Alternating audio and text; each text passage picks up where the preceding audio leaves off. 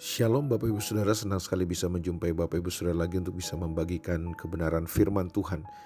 Kali ini kita akan lihat firman Tuhan di dalam dua Raja-Raja pasal 4 ayat yang pertama sampai ayat yang kedua saja. Dua Raja-Raja pasal 4 ayat yang pertama dan ayat yang kedua.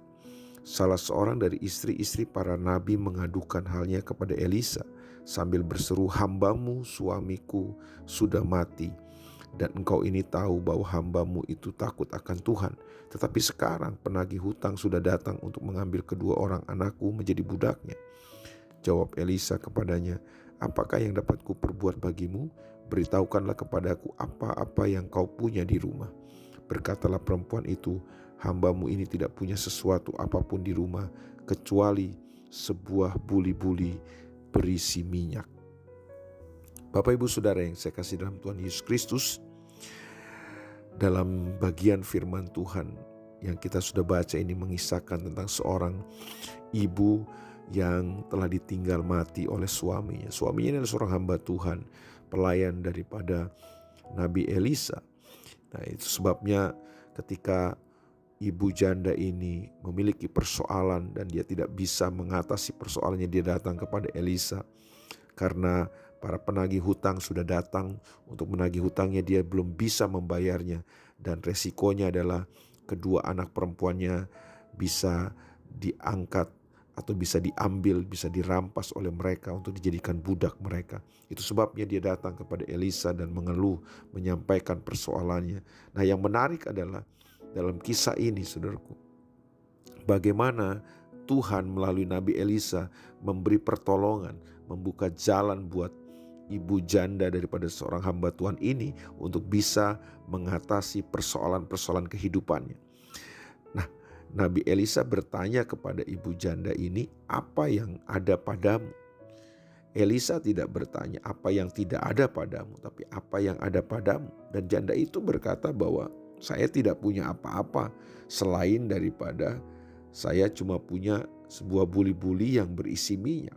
Tapi tahukah saudara, justru dengan apa yang ada pada ibu janda ini yang kelihatannya kecil.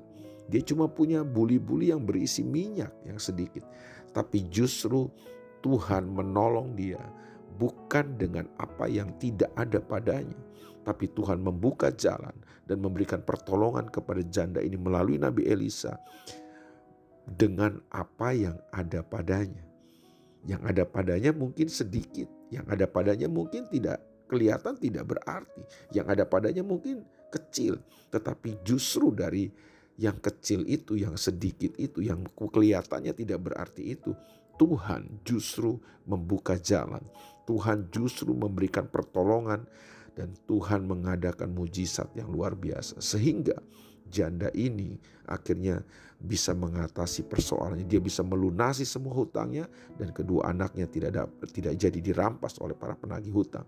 Nah, pelajaran yang penting untuk kita hari ini adalah bahwa ketika kita menghadapi persoalan, ketika kita menghadapi kesulitan, itu bisa datang dalam kehidupan kita. Tapi percayalah saudaraku, Tuhan mau menolong kita. Tuhan mau buka jalan buat kita. Masalahnya adalah apakah kita mau melihat apa yang ada pada kita. Tuhan bisa memakai apa yang ada pada kita, bukan apa yang tidak ada pada kita. Sama seperti Daud, Daud cuma punya ketapel, tapi Tuhan pakai ketapel Daud untuk mengalahkan Goliat. Musa cuma punya tongkat, dan Tuhan memakai tongkat Musa untuk melakukan keajaiban-keajaiban. Maria cuma punya minyak narwastu, tapi minyak narwastu inilah yang dipakai Tuhan untuk mempersiapkan kematian dan kebangkitan Yesus. Nah, kita belajar hari ini bahwa Tuhan bisa menolong kita dan cara Tuhan menolong kita bisa jadi dia tidak menggunakan apa yang tidak ada pada kita, tapi Tuhan ingin menolong kita dan membuka jalan buat kita dengan apa yang ada pada kita. Masalahnya hari ini, apakah kita mau menyadari? Kita sering kali mau yang dahsyat, kita mau yang spektakuler, kita mengharapkan sesuatu yang tidak ada pada kita. Dan Tuhan mau bekerja mulai dari apa yang ada pada kita. Waktu kita taat, kita melangkah seperti yang Tuhan perintahkan, kita akan melihat mujizat dan pertolongan Tuhan. Selamat mengalami pertolongan dan melihat keajaiban-keajaiban Tuhan kerjakan dalam hidup saudara.